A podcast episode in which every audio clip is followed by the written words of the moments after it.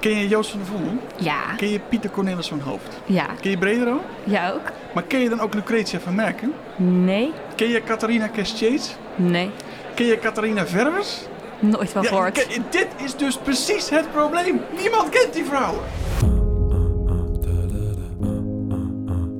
Je luistert naar Vondel was een vrouw. De podcast die je meeneemt naar de 17e en 18e eeuwse theaterwereld.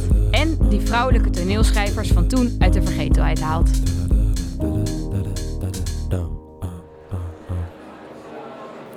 Leuk dat je luistert naar deze aflevering van Vondel was een vrouw. Waarin we een toneelschrijvende vrouw uit de 18e eeuw beter leren kennen.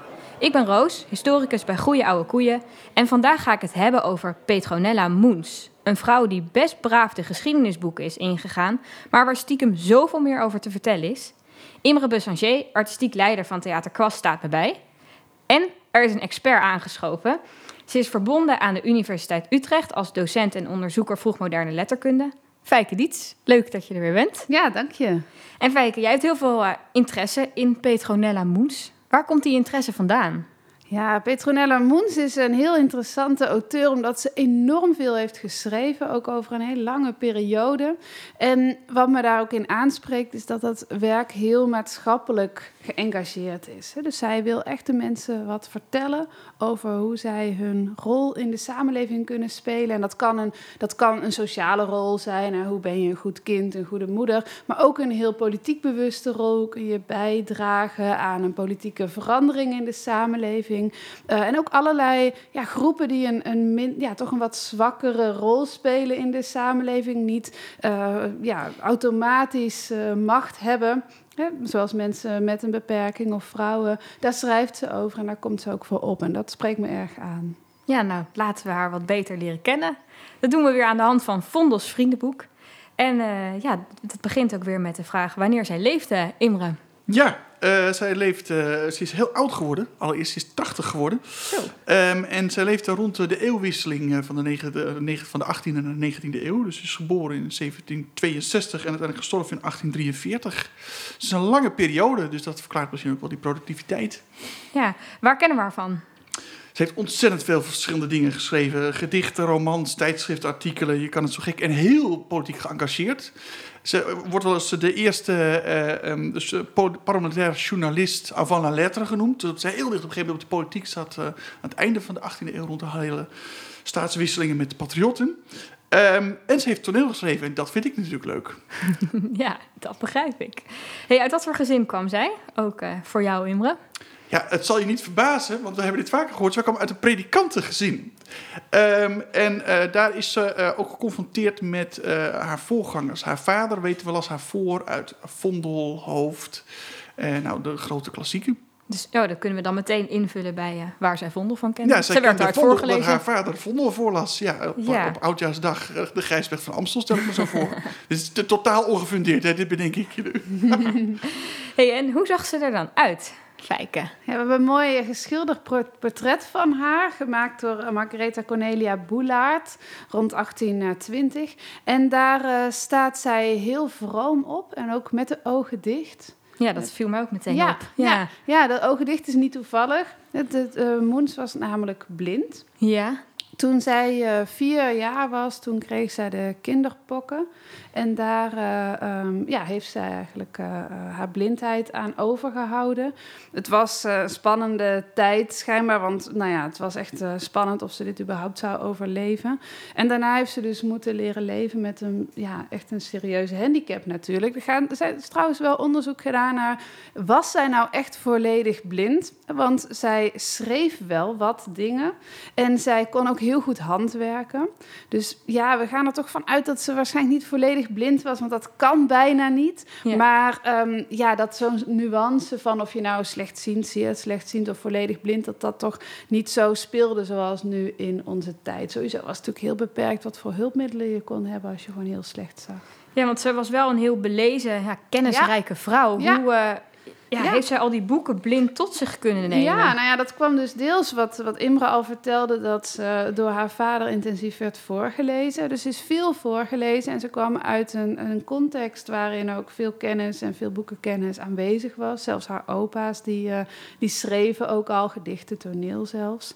Hè, Dus het was echt wel een omgeving waarin ze veel inspiratie kon opdoen. Ze leerde ook schrijven en dat schijnt te zijn gebeurd op een heel interessante manier met een soort speldenkussentjes. Dus dan werden er in kussentjes werden letters voor haar eh, gemaakt en dat kon ze dan voelen. Hoe die letter dus... Hoe die- Braille la braille. Ja, Ja, ja, precies. ja, ja, prachtig, heel ja. mooi. Ja. Ja. Ja. en eh, nou, er is ook wat overgeleverd. Een, een, een klein documentje waarin zij dus wat schreef. En aan de hand waarvan we ook wel kunnen zeggen: van, ja, als je zo schreef, dan zag je inderdaad niet goed, maar dan moet je toch wel iets hebben gezien. Ja. Maar zij was niet in staat om haar volledige oeuvre, wat dus heel groot was, eh, op te schrijven. En daar had ze dan ook altijd eh, iemand voor. Dus een soort eh, ja, eh, secretaresse. Ja. Ehm, eh, Antje Kamphuis was degene die heel lang bij haar heeft gewoond, met Die haar staat ook heeft op dat geleefd. portret, toch? Ja, er is een variant van dat portret. Ja, van Ja. dit schilderij zijn eigenlijk twee varianten gemaakt. Eentje van Moens alleen en eentje waar Antje Kamphuis ook Dus op die krijgt staat. toch nog een beetje eer als menselijke dictafoon. eh, ja. ja, nee, oké. Ja, zeker. Ja, dat is een- inderdaad een heel interessante rol natuurlijk. Hè? Want Hoe, die is hoe, kwam heel ze, hoe kwam ze aan dat soort... Want je hebt dus, ze heeft mensen nodig gehad om te kunnen schrijven. Ja, ja. ja, ze is altijd enorm afhankelijk geweest natuurlijk van haar omgeving. Eh, ook erg geleund op haar familie. Dus ze heeft bij, eh, bij eh, zussen, volgens mij bij twee verschillende zussen, ook een hele tijd in huis gewoond.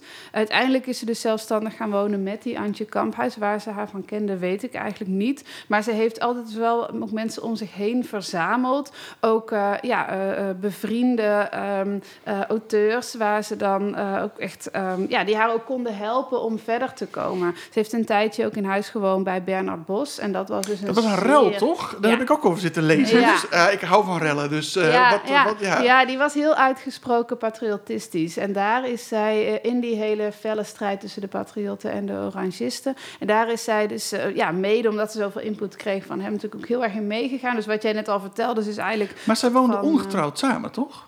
Ehm, ja, maar het, ja, ze is nooit getrouwd Nee, geweest. Nee, maar nee, nee, dat, dat is toch ook deel van de, van de show van dit verhaal... dat zij zomaar bij een man introk? Ja, Oeh. ja, ja. ja, we weten eigenlijk niet precies wat daar gaande is, maar daar gaan natuurlijk dan speculaties Tuurlijk, eh, geruchten. over. Ja. Dit zijn de spannende Ja, en uiteindelijk details. is dat toch in een soort breuk ook weer uiteengebarsten. En toen is zij ook een beetje gestopt met zo expliciet eh, radicaal politiek zich uitspreken. Dus dat zij dat deed, lijkt ook wel sterk verbonden zijn met die periode met hem. Daarvoor heeft zij nota bene nog wat oranjegezinde eh uitingen gedaan. Dus ja, je ziet daarin ook wel echt een ontwikkeling in haar Ja. leven die zich reflecteert in dat oeuvre. Oh. En, en dat blind zijn van haar, ja, heeft dat ja, invloed gehad op haar werk? Want je had het over opkomen voor zwakken Ja. in de samenleving. Ja, ik denk dat dat zeker invloed heeft gehad op haar eh, werk. Ehm, op verschillende manieren. Het is natuurlijk een, een handicap geweest in het schrijven, maar misschien ook wel een, een, een soort ja, reden waarom zij met zoveel focus zich daarop kon toeleggen. Dat in, eh,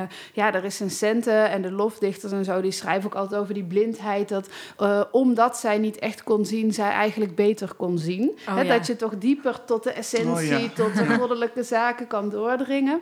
Ehm, ja, en, en daarnaast, eh, eh, inderdaad, heeft zij zich erg eh, ook verbonden gevoeld met mensen die een, wat zwakkere positie in de samenleving hebben. Ze heeft ook wel geschreven over ehm, eh, blinde mensen, over dove kinderen, over vrouwen in zwakkere positie, over kinderen sowieso, maar ook bijvoorbeeld over eh, ehm, slaven.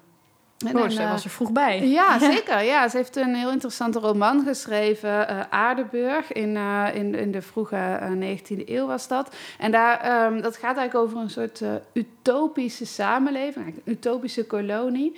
Ehm, daar waren wel ook slaven, hè, dus zij deed niet eh 100% afstand van slavernij, maar ehm, dat waren slaven die dan voor hoge sommen werden aangekocht, dus goed behandeld, vervolgens ook een heel goede opvoeding, opleiding kregen en dan na een aantal jaar weer vrijgelaten werden. Dus het Dat is een idee... interessante notie van, eh, ja... Ja, het is natuurlijk... Dus, dus als je goed behandeld wordt als slaaf, is ja, er iets... het is natuurlijk vanuit onze perspectieven gezien nog steeds absoluut eh, heel dubieus. Eh, en nog steeds het idee dat je eigenlijk als blanke persoon natuurlijk daarboven staat. Maar zij viel bijvoorbeeld wel het idee aan dat er een, een aangeboren onderscheid was tussen die rassen. Dus zij was voor die tijd wel een vernieuwende stem daarin, die eigenlijk duidelijk liet zien van ja, we moeten ook ander, als we mensen ruimte geven om zich te ontwikkelen, dan kunnen zij ook veel meer. En dat was ook precies haar houding ten opzichte van vrouwen en kinderen. Vrouwen, gaan zelf ook vechten voor het vaderland en dan kun jij ook echt iets betekenen.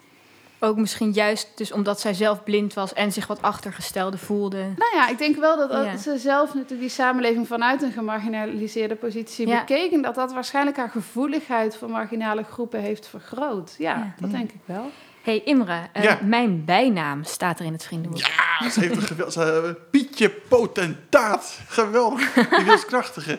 Ja, het, het schijnt nogal een dwingend typeje geweest te zijn. eh, eh, en dat moet ook wel, want inderdaad, als je bedenkt, vanuit een, onmogelijke positie weet ze toch ontzettend veel te bereiken. Ik Ja. vind het, ja. Ik, vind- maar Pietje potentaat, die onthoud ik. Dat vind ik Ja, mooi. die vergeet ik niet Ja. snel meer.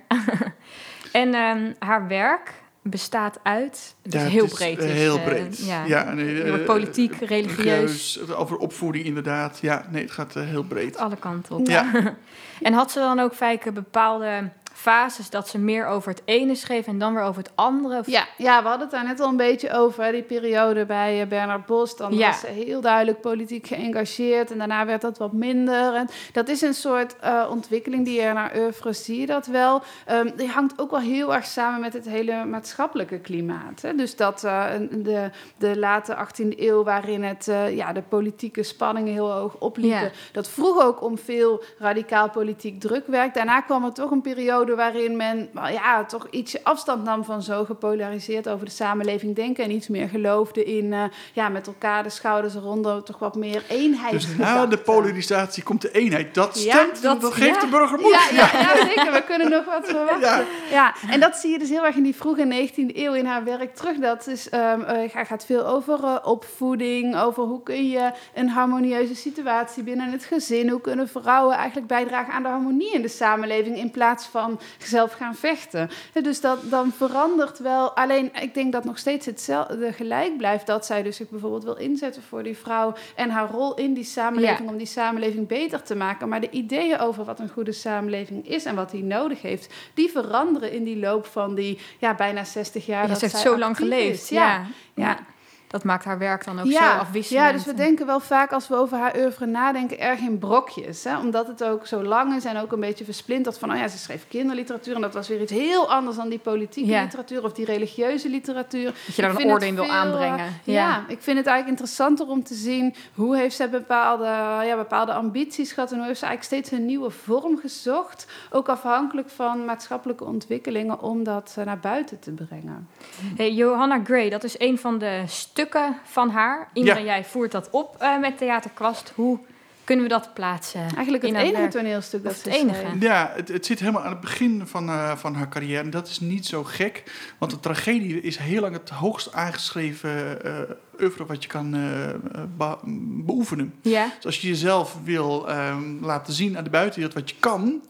dan laat je dat met een tragedie. is een perfecte visitekaartje wat je daarmee aflevert. Tegelijkertijd ook heel dapper om dat te doen als vrouw. Ja. Halverwege de twintig. ja, zo meedoen met Nee, mannen. daarom. Ze, Ja. is, ze is daar erg vlot mee. Maar dat, eh, dat, ik denk dat die, die wilskrachtige Pietje Ja. Potentaat... Komt dat, dat, daar, dat je dat daar al ziet, dat zij meteen denkt, ik zet hoog in. Ja. En dit is hoog inzetten. Het is een, een leuk stuk, want eh, ehm, een heleboel men- mensen kennen wel eh, Mary Queen of Scots, hè, de onthoofde koningin van Schotland. Maar daar ging nog een dame aan vooraf en dat is Johanna Gray, ook een eh, troonpretendent. En die is natuurlijk ook onthoofd, want zo gaat het altijd in Engeland. Maar nou geef ik wel een beetje de clue van het stuk. Ja, ik heb eh, nog een leuke vraag binnengekregen van Jet Berghout. We gaan er naar luisteren. Hoi, ik ben Jet Berghout. Ik schrijf en ik ben programmamaker bij Radio 4. En ik heb zo de indruk dat er wel wat parallellen zijn tussen vrouwelijke componisten en vrouwelijke toneelschrijvers. Al was het maar door hun positie in het verleden. Ik stuit laatst op een voorbeeld waarbij een stuk van de grote Felix Mendelssohn niet door hemzelf bleek te zijn geschreven, maar door zijn zus Fanny, die ook heel getalenteerd was, maar gewoon door het feit dat ze vrouw was een tijd lang niks mocht publiceren. Zijn er ook dat soort voorbeelden in de theaterwereld, waarbij een bekende mannelijke toneelschrijver iets publiceerde dat achteraf geschreven bleek te zijn door een vrouw? Ofwel, was Vondel misschien echt een vrouw? Nou, Imre, die is voor jou. Oh, Jet, wat doe je me aan? Wat een moeilijke vraag. Ehm, hier, weten we heel weinig eh, vanaf. Ik, ik ben dit nog nooit tegengekomen. Het enige wat ik bijvoorbeeld wel weet, ehm, is dat je eh, eh, beginnende schrijvende vrouwen, zoals een Lucretia van Merca later of een Juliana Delanois, hun eerste tragedies, die publiceren ze zonder hun naam erop. Dus anoniem, maar niet onder een mannelijk pseudoniem. Fijke, heb jij... eh, Ja, ik weet ook geen concrete voorbeelden. Het is wel zeker zo dat eh, de productie van mannen heel vaak eh, verbonden was met die van vrouwen. Dus we zien vaak dat schrijvende vrouwen, dat die een man hebben die ook publiceren, ook schrijven. En dat die hen dus ook kon helpen om het werk naar de drukpers te, te, te brengen. Maar ik kan me heel goed voorstellen dat het soms ook andersom heeft gewerkt. Hè? Dat een man iets schreef ehm, en dat de vrouw misschien wel wel meer gevoel had voor wat er eh, mooi rijmde. En daar eigenlijk heel erg in heeft geholpen. Maar dat haar naam niet op de voorpagina achter kwam. iedere sterke man staat een Ja. hele Ja, sterke maar vrouw. hoe dat Ja. precies dan zit achter die schermen, dat, ja, dat is heel moeilijk te achterhalen. Maar dat is een heel interessante eh, Ja. vraag, wat die rol van vrouwen, die vaak toch onzichtbaar is, soms geweest is. Nou Jet, ik hoop eh, dat we je hier blij mee maken met dit antwoord. Wat ik nog wel interessant vind is, zij ehm, ja, werkt dus zo in die mannenwereld, maar zij schrijft ook wel zelf heel veel over vrouwen en over huishouden, dat soort Ja. vrouwelijke onderwerpen, Ja, die we misschien nu juist als antifeministisch zouden Ja. bestempelen.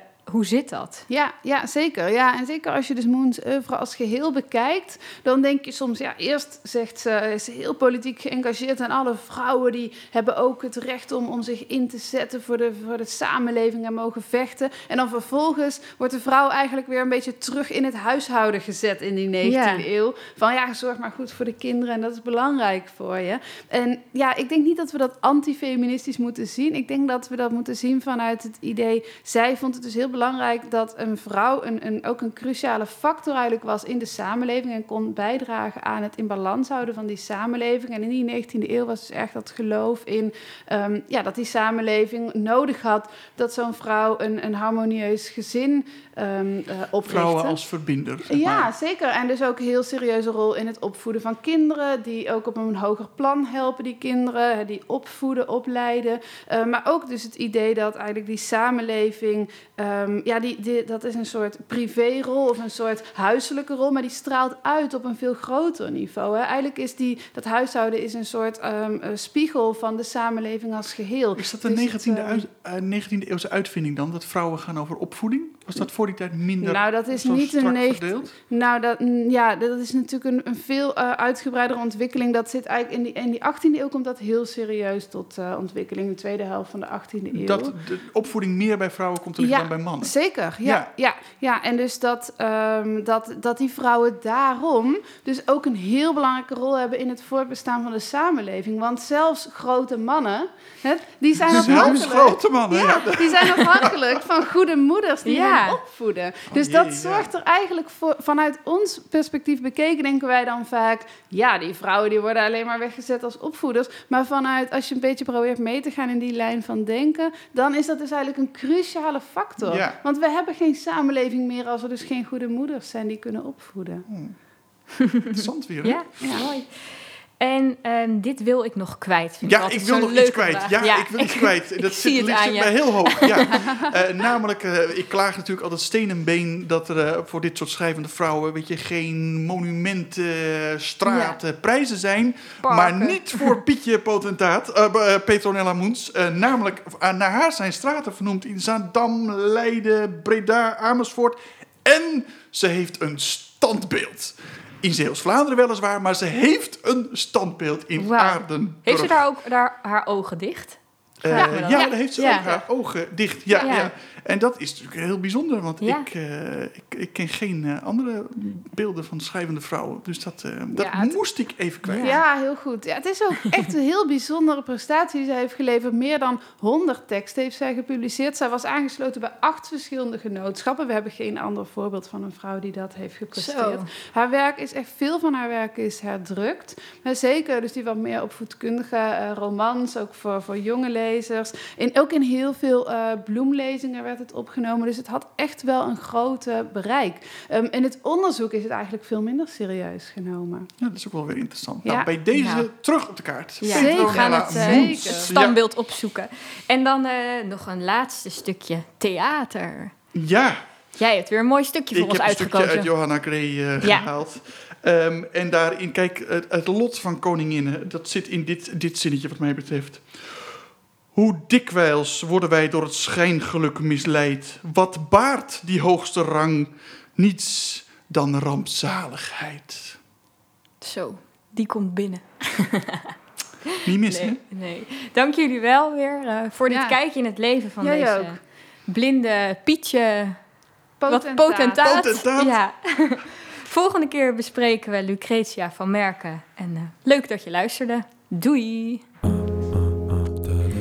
De podcast Vondel was een vrouw een productie van Goeie Oude Koeien in opdracht van Theater Kwast.